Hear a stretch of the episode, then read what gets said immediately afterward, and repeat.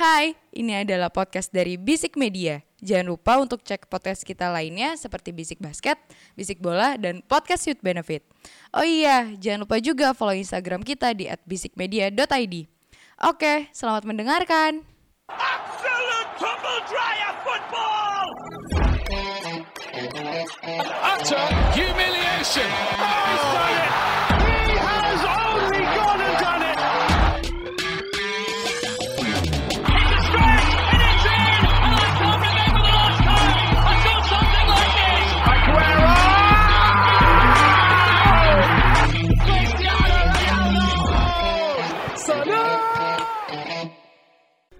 Bisik bola.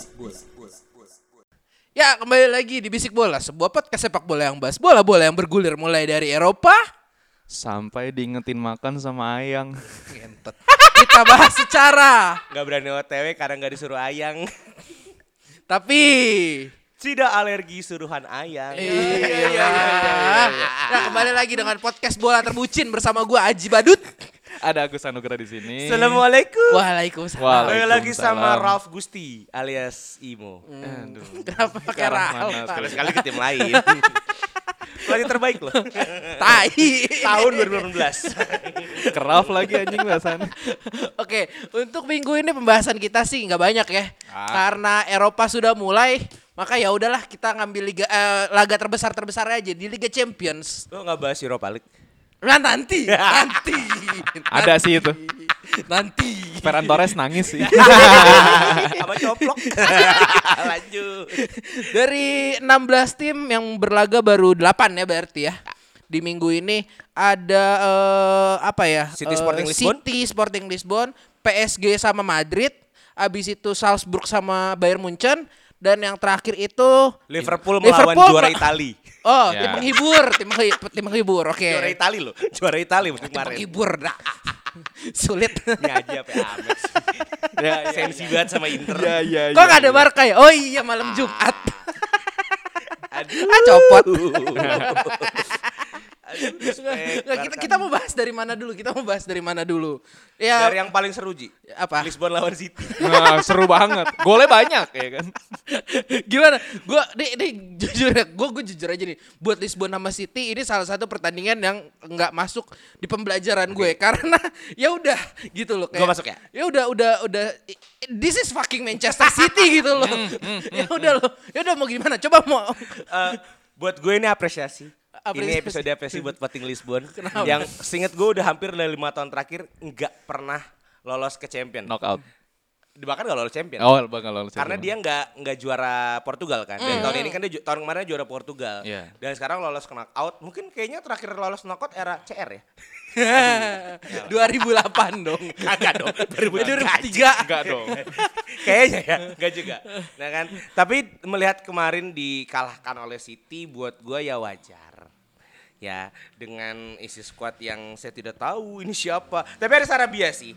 Ya, Sarabia doang. Maksud gue dengan dengan kita selalu inget eh, comeback-comeback tim ya gue gak mau nyamain kayak Liverpool waktu zaman Balotelli tapi ya udahlah ya, comeback comeback tim ke Liga Champions itu pasti Si punya anjing. kisah yang pelik gitu loh Betul, Ya betul, kan? betul, dengan betul. lolos knockout buat gue Lisbon udah cukup berprestasi ya Oh berprestasi banget anjing.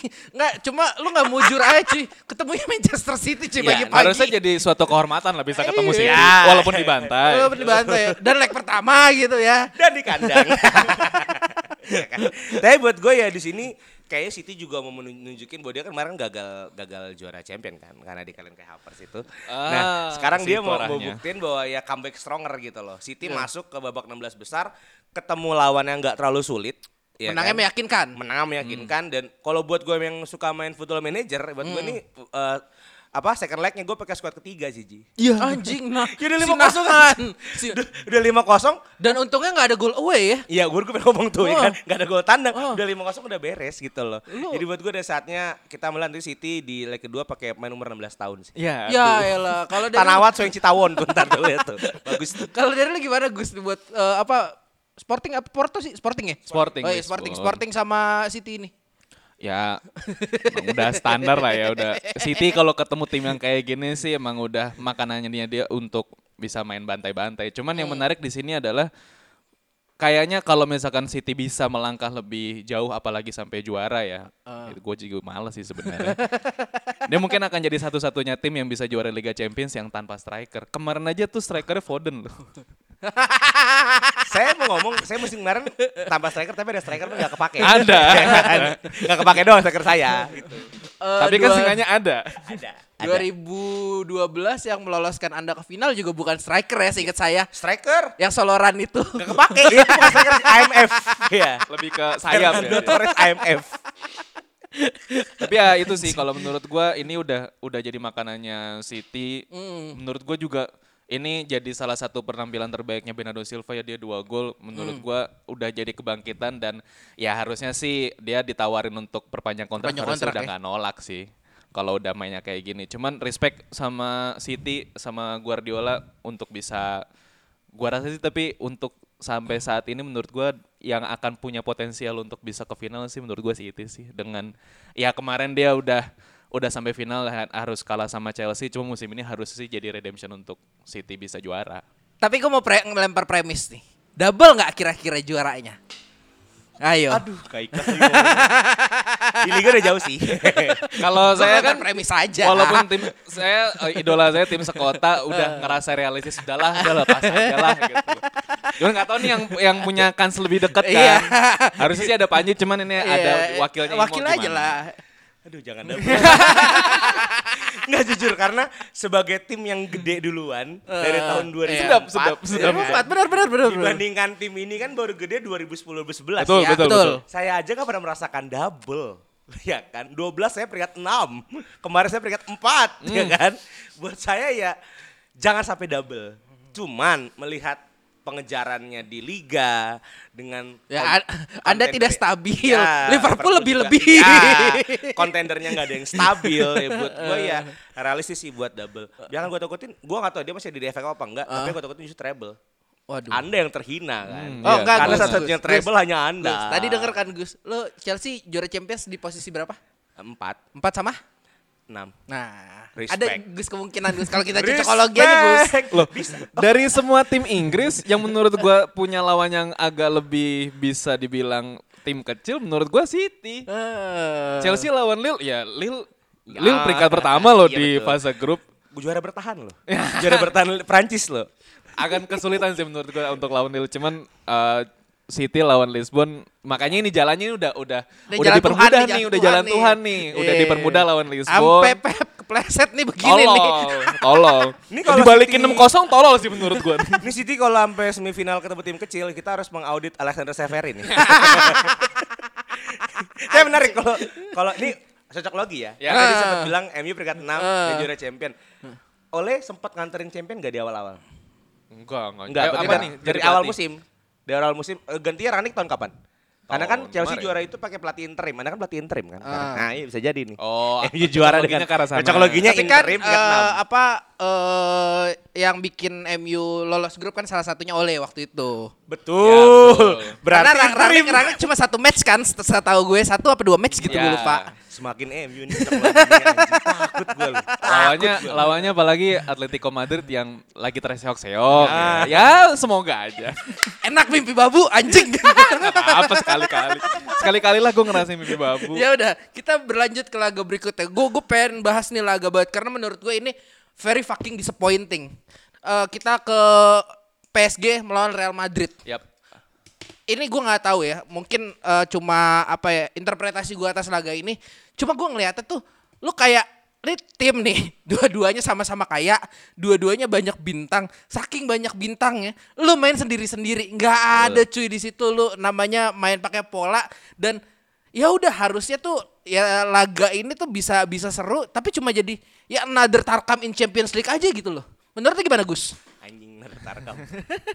ya harusnya sih udah bisa dilihat ya gua gua ngelihatnya secara pribadi ini bisa jadi juga kebangkitannya PSG sih apalagi di match ini menurut gua yang tolol dari Madrid adalah zero on target cuy Oh.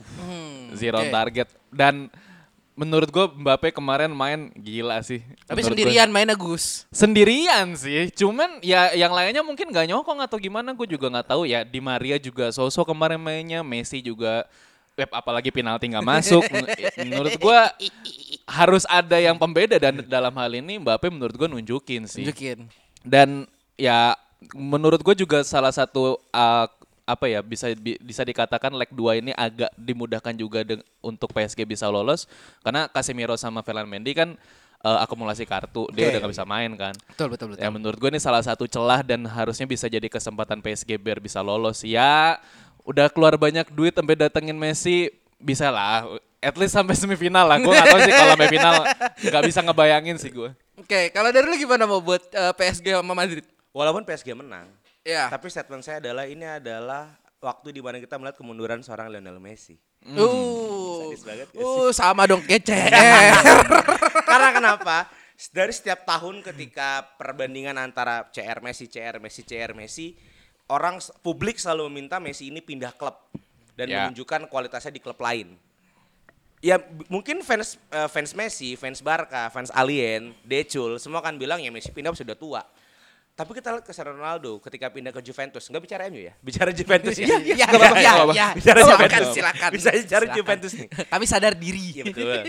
Di Juve dia bisa bawa tim. Eh. ya dengan cukup bahkan juara. Ya. Menurut gue tuh cepet juara. Sedangkan sekarang Messi mungkin pindahnya ke tim yang udah bertabur bintang dan Messi bukan lagi sebagai bintang utamanya PSG. Iya, karena bintang utamanya PSG menurut gua adalah Kylian Mbappe. Oh, kirain Kipembe. Kalian Mbappe ya. Ah, di Maria. Udah tua tuh. Eh bagus sih di football manager. Lanjut ya. Nah, Iya, iya. nah, ketika kemarin melihat eh, Madrid lawan PSG 1-0 ya angka yang cukup realistis. Iya. Melihat kedua tim Madrid itu lagi lagi tren positif. Vinicius, Vinicius Junior ini tuh udah jadi missing piece-nya ketika Bale menurun, Ronaldo menurun, anak muda ini dibeli dari Brazil, cukup fantastis harganya, 1-2 tahun flop, dan sekarang ini lagi musim terbaiknya. Setelah menyigikan Hazard ya dari starting line up. Ya.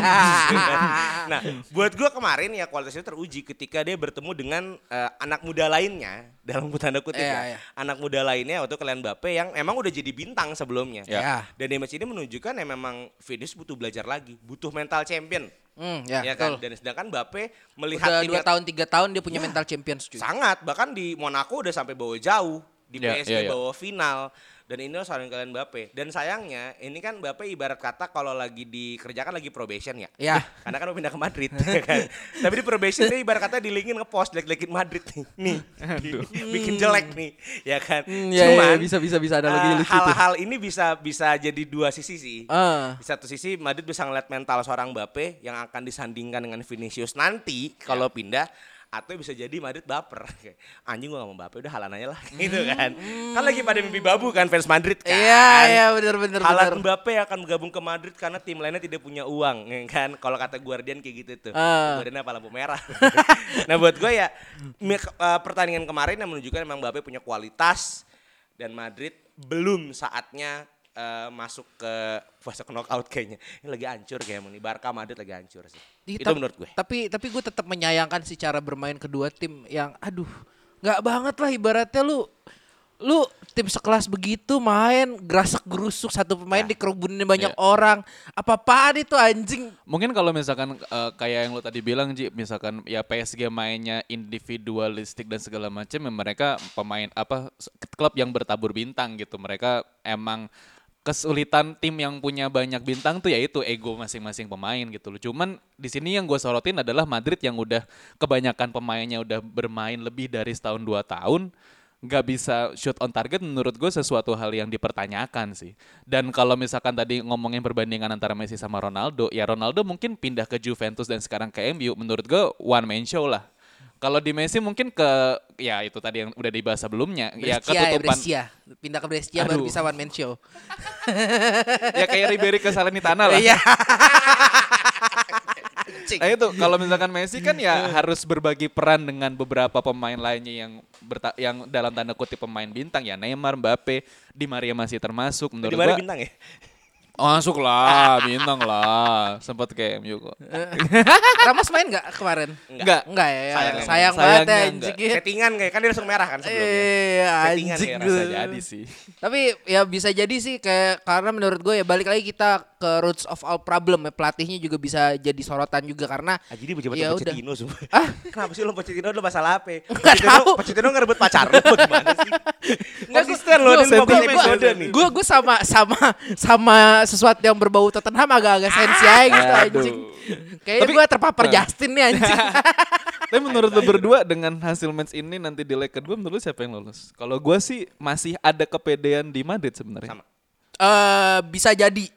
Karena menurut gue ini juga salah satu faktor main tandang loh. Ya. Lu ya udah Iya. lah lu se- seberapa kita udah sering ngomong lah segi, segimana tekanannya lu main tandang. Hmm, betul. Lu eh, main di kandang nanti lu posi lagi apalagi eh, ada match dulu gak sih sebelum leg 2 pasti ada Pasti dong ada, liga ya. ada. Di liga. Apalagi kalau di liga lu dapat hasil positif dulu nih buat si Madrid nih. Hmm. Wah itu gue yak, gue nggak yakin sih ya 50-50 tapi ada kemungkinannya lebih lebih besar lah gitu. Agar tetap konsisten, podcast ini membenci fans Madrid ya. Main di Bernabeu itu kan fansnya toxic semua aja. Enggak, tapi tapi kalau buat gue harapan itu masih ada. Masih. Masih. Di match ini akan jadi review buat eh, Ancelotti. Ya jangan lupa pelatih Don Carlo loh. ya kan saya jebur inget Don Iya, Carlo iya, ternyata iya. ya. Saya masih mikir Lopetegui itu.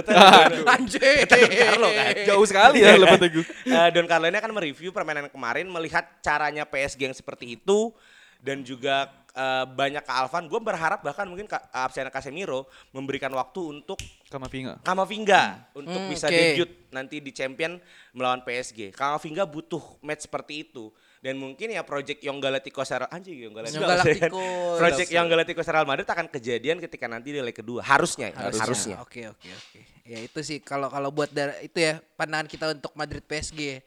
Kita mau ke laga mana lagi?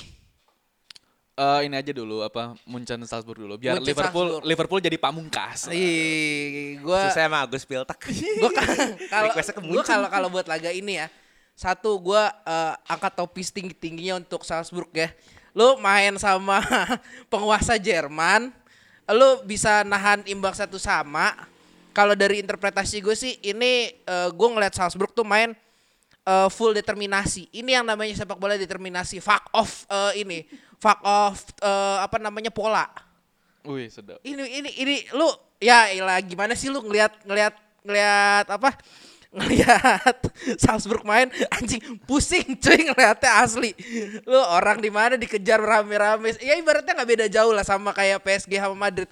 Cuma ya ini pantas dilakukan Salzburg. Ya. apalagi lu bermain di kandang dan lawan lu lu mencoba menjatuhkan apa ya David versus Goliath ini lah kalau ibaratnya Wih, sedap, sedap. Bumi lawan langit lah ibaratnya. Iya bumi sama langit. Jadi wajar aja dan dan lu bisa nahan eh Munchen satu sama di kandang itu bagus dan Munchen juga di sini gue ngeliatnya kayak apa ya lu tim yang kebingungan nih ini, ini tim yang eh, isinya orang-orang dewasa kebingungan ngadepin anak-anak ABG yang semangatnya masih tinggi nih Hmm. gitu jadi kalau ibarat yang ngewe nih si- ini om Aduh. om cuma kuat seronde nih anak kuliah nih masih bisa tiga empat ronde nih gitu Tapi ngejerit duluan. ya Karena kesangean. Aduh. Anak bocah kalau udah ngeliat tuh ngaceng keluar lu. Iya, iya, iya, iya. Bening-bening tuh. Prikam aja bener lagi. Dia bikin hamil katanya. Tahu aja lagi. itu itu kalau dari gue kalau dari lu gimana mau buat Salzburg sama Munchen ini mau Buat gue eh, Salzburg ini tim yang menurut gue ya sekarang adalah Ajax 2.0. wah Tim ini tuh Boleh, dipretelin boleh. terus-terusan. Iya, iya. Dan nggak pernah capek menghasilkan eh, nama-nama besar. Ya, Betul. Wang Hichan. Hmm, Ya, Minamino. memang naiknya setelah Erling Braut Haaland sebenarnya. Cuman sebelumnya kan banyak. Ya. Banyak banget ya Minamino walaupun agak gagal ya ke Liverpool ya. Ya, Nah, siapa itu- suruh ke Liverpool? yang yang yang nggak bisa ngegolin itu ya waktu itu ya Siapa suruh ke Liverpool? Ya kan? Walaupun yang kemarin golnya itu uh, Adamu, tapi dia lagi punya bintang yang kemarin gagal pindah ke Barca karena Aubameyang masuk. Karim Adeyemi. Karim Oke. Adeyemi ini bener-bener lagi diincar sama semua tim karena 18 F udah 14 gol anjing nih penyerang gue Chelsea ya kali ya. Tapi nggak tahu deh kalau update eh, update jangan paling jangan ngancurin karir orang update paling baru sih kayaknya dia bakal menuju Dortmund sih nanti musim depan Itu kayaknya. ya. langkah bagus daripada ke Barca. kan? Betul, betul. ya betul daripada ke MU Nah, apalagi itu. Dan ketika ngeliat average age-nya eh, si Salzburg ini itu di angka 23,5. Wah, Rata-rata umurnya 23,5. Kipernya 24 tahun sih anjing ya kan. Ini tim muda-muda banget gitu loh. Dan ketika bisa menahan imbang walaupun kemarin mainnya di Austria Di ya. Austria, ya. Cuman menahan imbang Bayern Munich yang dikdaya, Hmm, sebentar. Jerman Austria hmm saya teringat tahun 1930-an Nah, Wow. Kerajaan Austro-Hungaria. kemarin arahnya ke aduh nggak jadi deh. Gila gila. Jangan. Berat banget ya Iya, apa Pangeran Franz Ferdinand Gavril Princip. Iya.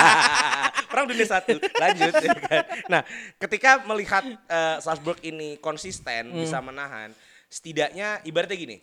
Kalau lo inget kejadian Arsenal kemarin selebrasi lawan Wolves, ya selesai juara. Ya udah Salzburg ini lagi. ketika leg kedua nanti dia pun kalah, dia udah juara di hati masyarakat. Ih, sedap, sedap, sedap, sedap. Sedap. Wah, kayak Atalanta. Tapi menurut gue lebih lebih cocok Salzburg ngelakuin itu kemarin lawan Munchen ya jelas. ketimbang Arsenal kemarin lawan Wolverhampton gitu. Eh, jelas lah, Gus Iya. gila lu Gus. juara lima enam kali champion. Betul, ya kan? betul. Ja, beda sama Tim Wolves. yang merasa dominasinya udah terlalu toksik di Ya, Bundesliga. Sampai mau dibikin playoff kan. Iya kan. Nah buat gue ini juga catatan buat Munchen sebenarnya. Karena Nagelsmann ini harusnya, setahu gue nih RB Salzburg sama RB Leipzig ini cara mainnya, pembibitannya itu nggak jauh beda. Iya, benar. Harusnya Nagelsmann udah tahu cara mainnya Salzburg. Kan memang Fulham main gegen pressing juga sama. Iya, iya. Kan lagi tren gegen pressing. Cuman gak gagal di tim mana gegen pressing ya. Yuk lanjut. ya kan? Nah, Dibahas ya, ini. Nagelsmann ini harusnya bisa antisipasi gitu loh. Atau kemungkinan besarnya Nagelsmann ini lagi ngebaca Eh, ngebaca Salzburg mainnya kayak gimana. Sing, seinget gue kemarin mainnya agak overpress oh ya. dan eh, ya Rom Daughter kita gak bisa ngapa-ngapain. Iya, benar benar. Gak bisa ngapa-ngapain ketika dikasih Da- overpress. dan apa siapa yang ngegolin dari Salzburg siapa namanya? Adamu. Adamu. Itu gua gua Adamu tuh ini dia right man in the right place in the right time. Wih. Golnya asli. Itu golnya dia Bukan gol dia jatuh di- dari langit ya? Bukan enggak jatuh dari langit, cuma ada faktor keberuntungannya di situ karena ada. eh backnya Munchen tuh ketarik ke kanan Iya. semua tuh seingat gue Cuman tuh. secara skema emang emang menurut gue bagus sih kemarin Ah, Salzburg ah, dari ah. golnya. Kalau dari lu gimana Agus? Agus Piltak. Ini sebenarnya emang Munchen lagi nurun ya. Iya. Ya, apalagi sebelumnya secara mengejutkan dibantai sama VfL Bochum 4-2 gitu loh. Dan Mana tuh Bokum tuh anjing. Wolfsburg, Wolfsburg. ini salah enggak bukan VfL Bochum tuh Bokum. salah satu tim promosi kemarin dan menjadi salah satu tim yang tim promosi yang bisa ngegolin Bayern 4 gol. Ini kayak ngeliat Juventus di kalian di tanah ya. Ya. 4-2. Dan Skornya 4-2 ya ditekenin lagi ya. 4-2. 4 gol loh lawan lawan tim sekelas Munchen gitu dan kemarin satu sama lawan Salzburg. Mungkin yang bisa gua pahamin dari Nagelsmann adalah eh, dari dua match eh, saat ini yang menurun menurut gua kendalanya ada di eh, banyaknya pemain yang penting cedera gitu. Goretzka nggak main, Neuer aja nggak main kemarin dua match tuh yang eh, kipernya Ulrich gitu. Terus eh, ada eh, Anthony Davis nggak main, makanya dari se- dari secara formasi dan pemilihan pemain menurut gua agak-agak aneh. Koman sama eh, Nabri ini jadi apa ya bisa dikatakan back sayap lah bisa dikatakan karena formasinya 3-4-3 gitu ya menurut gua secara secara pemilihan pemain emang agak menyulitkan Nagelsmann gitu loh. Untuk mau, mau ngandelin pemain muda juga agak riskan di partai sekelas eh, Liga Champions ini apalagi udah fase knockout gitu loh. Tapi gue masih ada keyakinan ya di Allianz Arena bisa lah dibantai-dibantai. Gue selalu punya kepercayaan itu si tim-tim kayak Munchen, kayak City ketika dia dikalahin atau bahkan cuman seri aja di leg berikutnya sih pasti ngebantai menurut- menurut gue ya. Oke, oke, oke, oke. Nih eh Oh, gue mau statement dikit untuk eh, Munchen sama Salzburg ya. Menurut saya buat Munchen sih. Rudiger tolong lihat ini performa Munchen lagi turun loh Rudiger. ya, tolong pikir ulang Rudiger ya kamu ya. Lagi menurun loh Rudiger loh. Ya harusnya Rudiger bisa ngeliat lah. Apalagi dia lagi ngebaca atau lagi mempelajari kontrak yang dikasih Chelsea kan. Harusnya sih ya mulai agak goyah lah udahlah di Chelsea aja. Ya iya betul. Gue kali ini ngebela lu sih karena ya agak kasihan juga sih kalau misalkan Rudiger ke Munchen. Lebih kasihannya ke arah apa ya? Ya, Kepanjang karirnya. Ya apalagi itu gitu loh. Apalagi pasti akan kegeser sama pemain muda lainnya di apa Munchen. ini ya Gus? Mungkin Munchen seri ini gara-gara Cupo Moting turun di ujung-ujung. betul. Bobala. Bisa jadi. Harusnya mungkin dari dari apa kelar-kelar babak pertama ya harusnya Iya. ya dia masuk. ya. Karena Duet kan sama Lewandowski. Biasanya respect. no Cupo Moting no party. Iya. Tapi di dia dimainin. Misalkan ya, kalau misalkan di leg kedua eh, Munchen ngebantai, pasti Copo Moting ngegolin. Lu Lihat, lihat.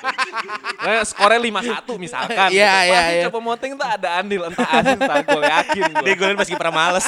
iya. Lu golin dah bang. Anjing. Ya, kalau dia golin tuh tempat mama pemain-pemain lain tuh datang cuma tos doang gak yang selebrasi. Udah Copo Moting ya. Iya, lu keren, keren, lu keren keren keren lu golin. Iya iya lu golin. Aduh, anjing, anjing. Oke, kita berlanjut ke laga terakhir. Ini nih, ini nih, nih. ini nih, Ini main nih. eventnya Liverpool melawan tim penggembira. Aduh. Gue awalnya seneng loh Ji. Oh, kenapa? Di babak pertama tuh Inter bisa nahan sebenarnya. Ya. menurut gua eh, apa ya? Ya Inter gua nggak tahu sih sebelum-sebelumnya eh, kayak gimana. Cuman ngelawan Liverpool yang secara pressingnya ketat dan bisa nahan tuh menurut gua eh, apa ya? Bisa dikatakan harusnya masih ada kesempatan sih. Cuman ya ketika di babak kedua udah kebobolan dua gol dalam kurun waktu yang singkat, ya balik lagi ke kualitasnya sih. Iya, satu kualitas, tapi menurut gua ada satu lagi yang mungkin eh Inter Milan tuh faktor kekalahannya adalah dia mau coba main double pivot ngelawan tim yang emang ahli banget main double pivot cuy. Sepakat. Hmm. Ini lu apa siapa sih pelatihnya Inzaghi ya? Ya. Iya. Lu- Simone. Eh Simone, Simone. Itu Simone bener, Inzaghi Simone kan Inzaghi, bener. ya, lah. Itu lu lu gila lu lu ngelawan lu ngelawan apa? Ahli double pivot. ahli double pivot dengan eh, tim yang udah mulai full power nih salah Mane main ya. Ya. Kita tahu eh, Jota juga main ya kemarin ya. Ini tuh lu sama aja kayak ibaratnya lu lari-lari bugil masuk ke kandang singa. Kan arahnya ke situ-situ mulu. nih. Lu kayak, lu, lu kayak kayak kayak ini lu ngasih ngasih apa eh, ngasih singa tuh kayak kayak pakai titik tuh kayak ih makan nih makan nih makan nih gitu. Tapi nggak nggak nggak bisa dipungkiri juga memang kualitas berbicara lagi masalah attacking gua udah ya harus diakui Liverpool adalah tim attacking terbaik lah salah Iya. satu yang terbaik. Setuju. Harus Cuma diakui. karena ada ada si Virgil nih, karena ada si Virgil, mereka tetap bisa bertahan. Tapi memang ya udah intinya tuh Inter kalah kelas di sini kalau menurut Kalah gue. kelas. Kalah kelas banget. Buat gue eh, Inter ini punya rekor sama kayak Madrid. No shoot on target. Iya, iya lagi anjing. Main di San Siro, ma- sorry, main di Giuseppe Biasa. Meazza. Jangan bilang San Siro. Hati-hati Anda diserang nanti Anda. sama Lupa, lupa, lupa. The real stadion in Milan adalah Giuseppe Meazza. Giuseppe Meazza. Bukan San Siro. Ya ini apa eh, kemarin berkabut sama aduh. ini asap asap petasannya kayak Ya, biasa. aduh, emang kebiasaan. Itali lah Itali. Rio. Rio Costa sama Janetti. di Iya. Standar Itali. Anjing iya yang yang lagi rangkulan Yang gitu. rangkulan. Ngelihat Nah, ngeliat flare. Buat gue ini adalah pertanyaan besar untuk seorang Lautaro Martinez yang harusnya tahun ini adalah tahun terbaiknya ketika Lukaku-nya nggak ada. Spotlight striker itu harusnya ada di Martinez, Mm, ya kan? Tapi ternyata Martinez itu bisa berjaya ketika tandemnya sesuai. Edin Joko atau Edin Zeko, Mm, Edin Dzeko. ini sebenarnya nggak performa nggak terlalu buruk di Serie A. Di Serie A, Ya, betul. once again, ketika pemain Serie A ini itu memang jaya di liganya, Hmm. tapi buat di Eropa ini pertanyaan besar. Kapan sih tim Liga Italia terakhir bisa menangsek jauh sampai ke semifinal? 2007. Juve enggak, terakhir eh, Oh, Juventus, 2015. Juventus, Juventus Iya kan? sama- Eh sorry 2017, Juventus Madrid. Madrid Barca Ya, sih. ya. Ma- Barca 15, Hah? Madrid 17. Oh, iya, iya, Dibantai iya. 4-1. Saya nonton Iya. lagi tuh bawa bendera Italia anjing. Iya. Tar lu, tar lu. Sama siapa tuh? sama siapa? Sama siapa tuh? sama sama ada. nah, buat buat gue ya ini sebenarnya tantangan besar untuk untuk gue lebih men- menyorot Serie A-nya nih. Ah. Karena Serie A lagi bangkit, lagi kompetitif di di liga utamanya, tapi seharusnya eh, pelatih Serie A dan ini tantangan pelatih-pelatih Italia yang nggak pernah go internasional. Simone Inzaghi kan eh, CV-nya cuma di lokal kan. Ya, betul. Iya. Ya kan, ketika melihat gue mendingan Maurizio Sarri, Ah. terseok-seok, Conte apalagi, cuma Don Carlo pelatih Italia yang memang bisa bicara banyak keluar sama Mancini. Cuma dua itu, karena dua pelatih ini punya uh, taktik yang modern. Ketika kemarin melihat Inter bermain double pivot dengan tiga back ini standar Italia lama banget gitu loh. Di mana inilah makanan Liverpool gitu. Liverpool ini demen banget loh bantai-bantai tim Itali kan. Nah buat gue ya betul udah kalah kelas, kedua dari posisi penyerangannya juga jelek banget dan Kalhanoglu singkat gue kemarin mainnya nggak terlalu bagus. Dan ini lagi gembar-gembornya Kalhanoglu ini bisa jadi sedikit seperti Pirlo gitu loh. Harusnya katanya kan. Ini pertanyaan besar lah buat buat Inter Milan. Udah lu balik aja ke Serie A fokus aja juara. Jangan Juve yang juara tahun ini. Tapi menurut gue juga menarik di mana ya tapi ya boleh lah kalau lo berani ngan- ngandelin double pivot lawan double pivot. Cuma kalau menurut gue sih yang ngebedain double pivotnya si Liverpool sama si Inter, kalau Inter mungkin lebih double pivot yang buat ngandelin counter counter counter langsung ya. Di mana si Liverpool ini bisa bikin double pivotnya dari bola di belakang nih. Ya. Makanya eh, kenapa double pivotnya si Inter nih kurang works lawan Liverpool itu sih kalau dari gue. Ada yang mau nambahin lagi nggak? Ya what do you expect Ji, dari seorang Arturo Vidal? Ini orang udah lewat masanya gitu loh. Vidal. Brozovic. Sebenarnya uh, yang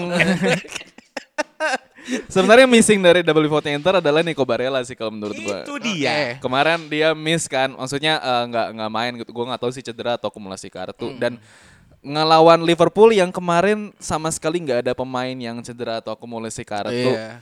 Ya udah jadi sesuatu yang Lu 2-0 bagus. alhamdulillah sih alhamdulillah sih kalau menurut gua Iya, 2-0 iya. Luis Diaz menurut gua kemarin juga main bagus banget Ah. udah mulai beberapa Debut kali ya? debut dan mulai beberapa kali eh, dapat kesempatan untuk bisa golin gitu dan yang gua sorotin dari Liverpool saat ini gua ngeliat Virgil van Dijk dan Ibrahim Konate akan jadi duo terbaru lagi nih yang muncul setelah gua nggak tahu sih setelah eranya Ferdinand Vidic akhirnya muncul lagi nih di Liverpool ironisnya gitu. Anjing orang jadul banget ya. Ada duo Pepe Ramos. Enggak, enggak, enggak. Kompan, Ada company siapa sih dulu temennya? Aduh gue Siapa? lupa. Apa? Kok company? Company? Apa? Laporta yang Laporta yang Laporte bagus. iya. Oh, iya. Masih ada Pepe Ramos, masih ada Cielini Bonucci. Kenapa Ferdinand Vidic anjing? Gue masih terjebak di 2008. nuansa romantika Ferdinand Vidic sih yang main sampai berdarah-darah dan menurut gue kemarin Ya, duo Van Dijk sama Konate ini tembok banget sih. 9 match mereka main bareng, 7 menang, 2 imbang, belum pernah kalah menurut gue. Ya, Jago Mes sama Joel Matip udahlah cadangan aja. main di FA atau di Karabau aja. Iya, si anjing. Kalau main di liga ini ya 12 ke bawah ya lawannya. Ya, main-main Lawan Brentford. lawan Brentford, Norwich ya udahlah pakailah salah satu. Cuman kalau main match gede udah pasti dua itu sih. Kita masih punya waktu lumayan nih. Gue pengen ngalor ngidul dulu dong dikit kemarin Barcelona lawan Napoli ya. Oh ngalor dulu bahas Barca. Iya.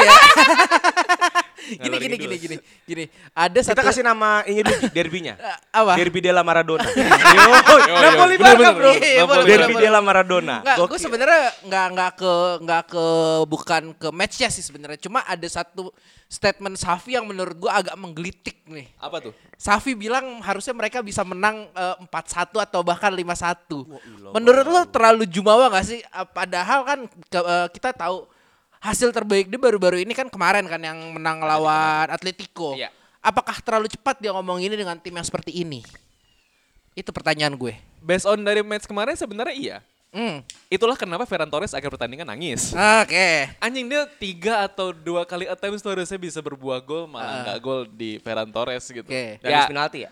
Ah? Miss penalti juga ya? Enggak ya? eh, nggak nggak- gue nggak tahu deh. Cuman ada beberapa cuplikan yang Ferran Torres tuh dua atau tiga kali attempts tuh dia harusnya bisa cetak gol dengan dengan posisi dan eh, eh, dan kodrat dia sebagai striker harusnya tuh bisa jadi gol sih sebenarnya. Dan ya 3-1 4-1 ngelihat Napoli juga mainnya kemarin nggak terlalu bagus menurut gua dan eh, Barca juga menurut gua ya itu bisa jadi salah satu stepping stone untuk bisa sengganya lu bisa juara lah di Europa League tapi ternyata hasil imbang satu-satu apalagi nanti main mainnya di di Napoli agak susah juga sih karena juga udah nggak ada kalaupun ada gol tandang juga susah juga karena em, Napoli udah udah golin satu di Camp Nou gitu. Jadi menurut lu valid Gus omongannya Safi?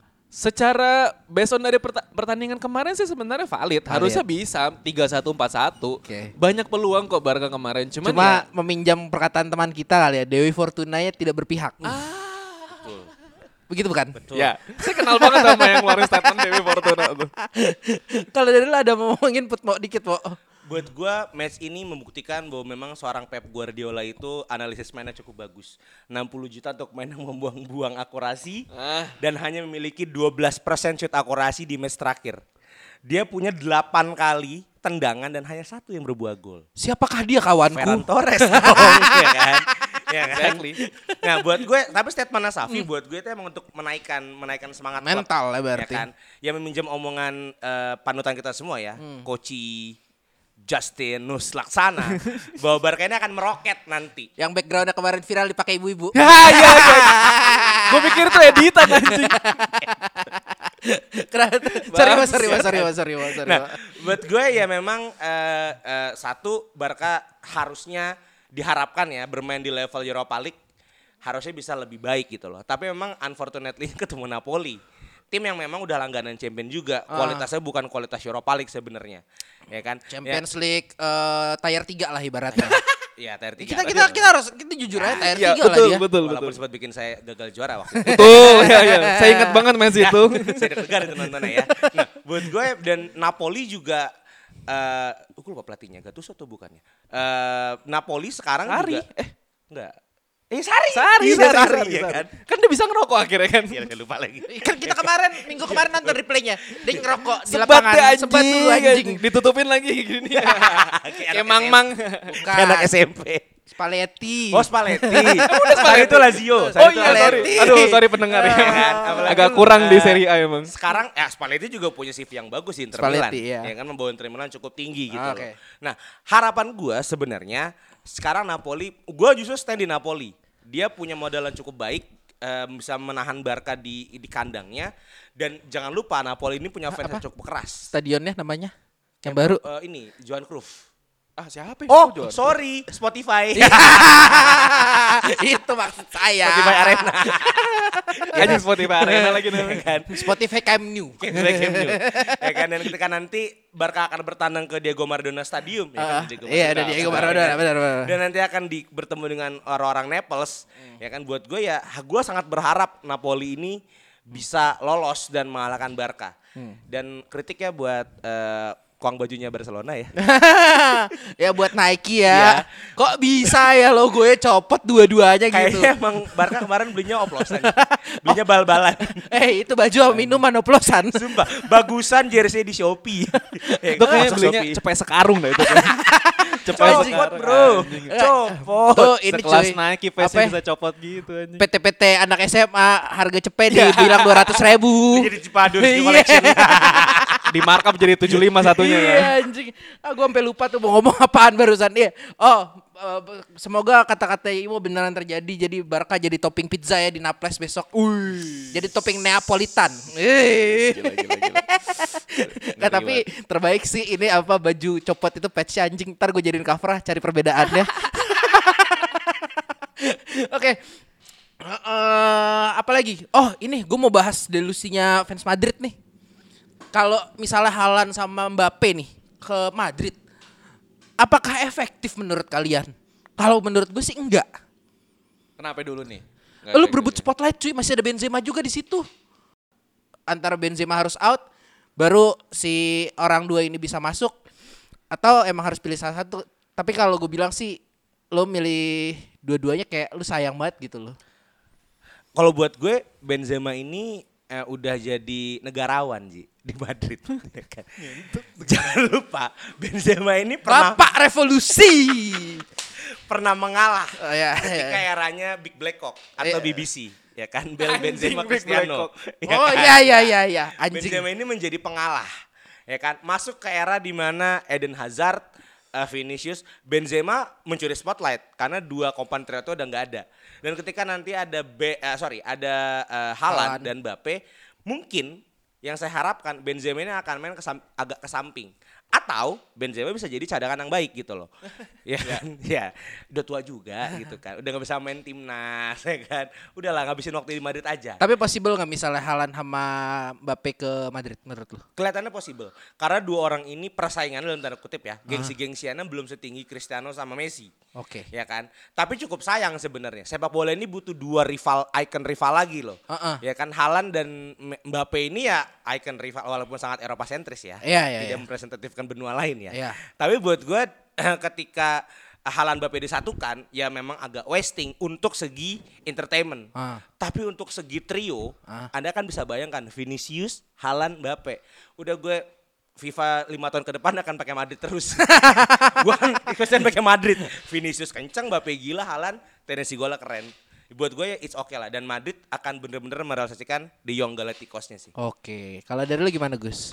Ya secara possibility ya jelas ya Madrid punya duit dua-duanya bisa ditebus. Cuman eh, untuk dalam satu musim ngeluarin eh, dana untuk dua pemain yang menurut gua saat ini harganya nggak murah. Itu gajinya bisa 400 ribu, 500 ribu loh seorang sepekan. Bahkan eh, Mbappe Menurut nggak gua tahu da- di di media mana gue lupa sempat baca artikelnya Mbappe ini lagi ditawarin kontrak sama PSG dengan kontrak eh, dengan gaji 1 ju- 1,2 juta euro per week. Anjing. Per week. Ya gua nggak tahu ya ini berita. Tiga kalinya Rudiger anjing. Ya harus Berita aja dari- 400 ribu pusing. gue nggak tahu nih berita gue sempat sempat ngelihat sekeliweran di timeline Ya, Sumpah Mbappe overdosis nih Jim sini. Iya, bisa. Overdosis Mbappe.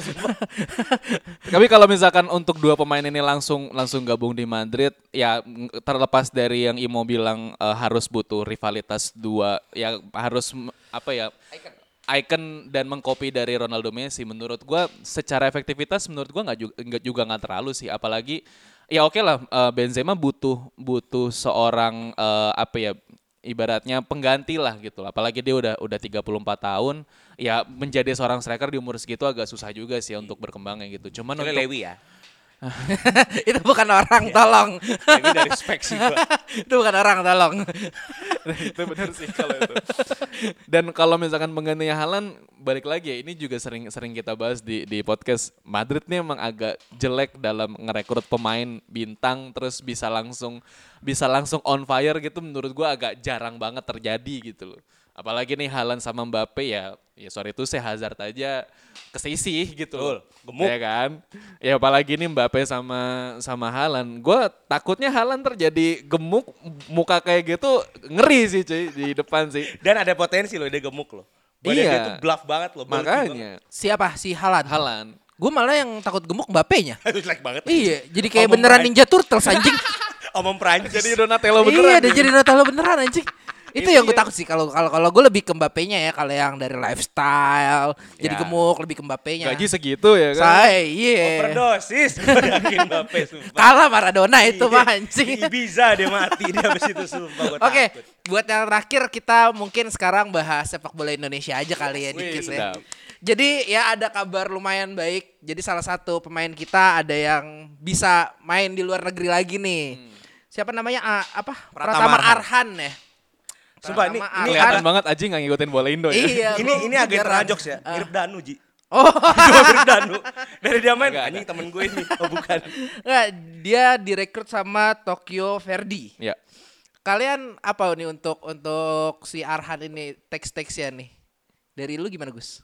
Ya menurut gua Gue perpindahan gue yang sorry ya gue nggak nggak terlalu ikutin bola Iya, Indonesia iya, iya. soalnya. Anggi kan lelaki budaya barat. lelaki budaya barat. Makan tidur gue, makan tidur gue. Makan, minum boba, NCT. ya apa sebuah pemilihan klub yang bagus juga sih sebenarnya untuk pertama Arhan bisa pindah ke Tokyo Verdy. Dia salah satu tim yang punya Sejarah. punya histori yang lumayan panjang juga lah di Jepang gitu walaupun sekarang main di eh, Liga G2 2 ya. G2. Dan ya ini sih sebenarnya lucunya dari dari dari dari kitanya sih dari rakyat Indonesianya. Anjing eh, followersnya Tokyo Verdy itu bisa ngalahin Kawasaki Frontalnya. Sama Visual Kobe. Jadi dua Kobe dua ratus dua ratus delapan puluh ribu. Eh, Kobe ngerekrut Iniesta, Podolski kemarin Canatip itu bisa dikalahin sama Tokyo Verdy yang yang ngerekrut uh, Pratama Arhan. Itu gokilnya orang Indonesia tuh itu sih. netizen kalau- Indonesia memang terbaik lah anjing. Gue masuk dikit ya. Iya, iya, Eh, ini yang gue takutkan lagi eh, dari eh, bintang muda kita masuk ke tim luar negeri dalam eh, pandangan hanya meraih untuk exposure. Ini yang saya takutkan. Oh iya. Oke kan? oke Iya. oke oke. Kita berkaca Benar. dari Egi ketika di Gedangs waktu Oke. itu. Egi nggak terlalu banyak dipakai, Hmm. jadi gembar-gemborkan sebagai media darling aja. Sorry, tapi mungkin kalau misalkan uh, Egi yang waktu di Gedang mungkin bawaan sponsor kali. Ya, Petren ya. menurut soalnya menurut gua di di Silika lumayan lah Silika karena bagus. Iya, makanya itu mungkin karena faktor eh, bawaan sponsor Oh, bawaan dan bapak ada, ya? ada pressure lah gitu loh. Bawaan bapak bener. Nah, ini kan kalau si si Pratama ini kan setahu gua dia free transfer kan. Free transfer. Free transfer kan Dan dari itu PSIS. eh, owner PSIS itu nggak mau ngelepas Pratamaran. Jadi isunya sebelumnya itu dia ditawar dengan harga yang fantastis oleh salah satu tim Indonesia. Oke. Sebut saja Bali United. Sebut saja ya. Sebut Ya. saja. Gak mau Ntar ya- disingkat-singkat yang- aja yang- namanya. Yang office ininya di Kedoya. Nomor 7. Iya. kan? Nah, dia statement ketika waktu itu Pratamaran ini cuma akan dijual bahkan bisa free transfer kalau ditawar tim luar negeri dari negara mana pun. Oke. Tapi ada kesempatan tambahan kalau bisa nggak di Eropa Timur, ya kan? Hmm. Nah, melihat eh, temen satu timnya di timnas eh, Wita, apa bukan? Yang kemarin kaptennya tuh yang begini-begini siapa? Oh, anjing. Yang main di Korea. Eh, Ayo siapa? Gue nggak tahu nih. gue. beneran nyerah nih. Iya, iya. Kalau gue. Asnawi Mangkualam. Asnawi, Asnawi, Mangkualam. iya, iya. Berkembang, sangat berkembang sekali di Korea bahkan badannya respect Jadi, banget ya. iya, benar. Jadi banget. Respect, respect, Kayak respect. ngeliat Marquinhos aja semua ya kan serem. Nah buat gue ketika dia main di Tokyo Verdy di G2, Jepang juga punya sejarah baik dan punya koneksi Hmm. ke Liga Jerman. Harapan gue besar sekali Pratama Arhan ini untuk bisa bermain. Dan setidaknya ya Indonesia punya pengganti Bang Haji Ismet ya. Ini kan back, back wing kan, wing back kan. Eh, masa end up-nya di Persija, Bos? ya, Ya, gue respect lah. Iya. buat buat Arhan ya, ya kan Indonesia juga sering kan kerjasama sama Jepang jadi mobil, iya, jadi Romusa. Nah, mungkin kalau gagal main sepak bola ya, ya bisa lah main-main bareng sama Sora Awi. Iya. di bawah.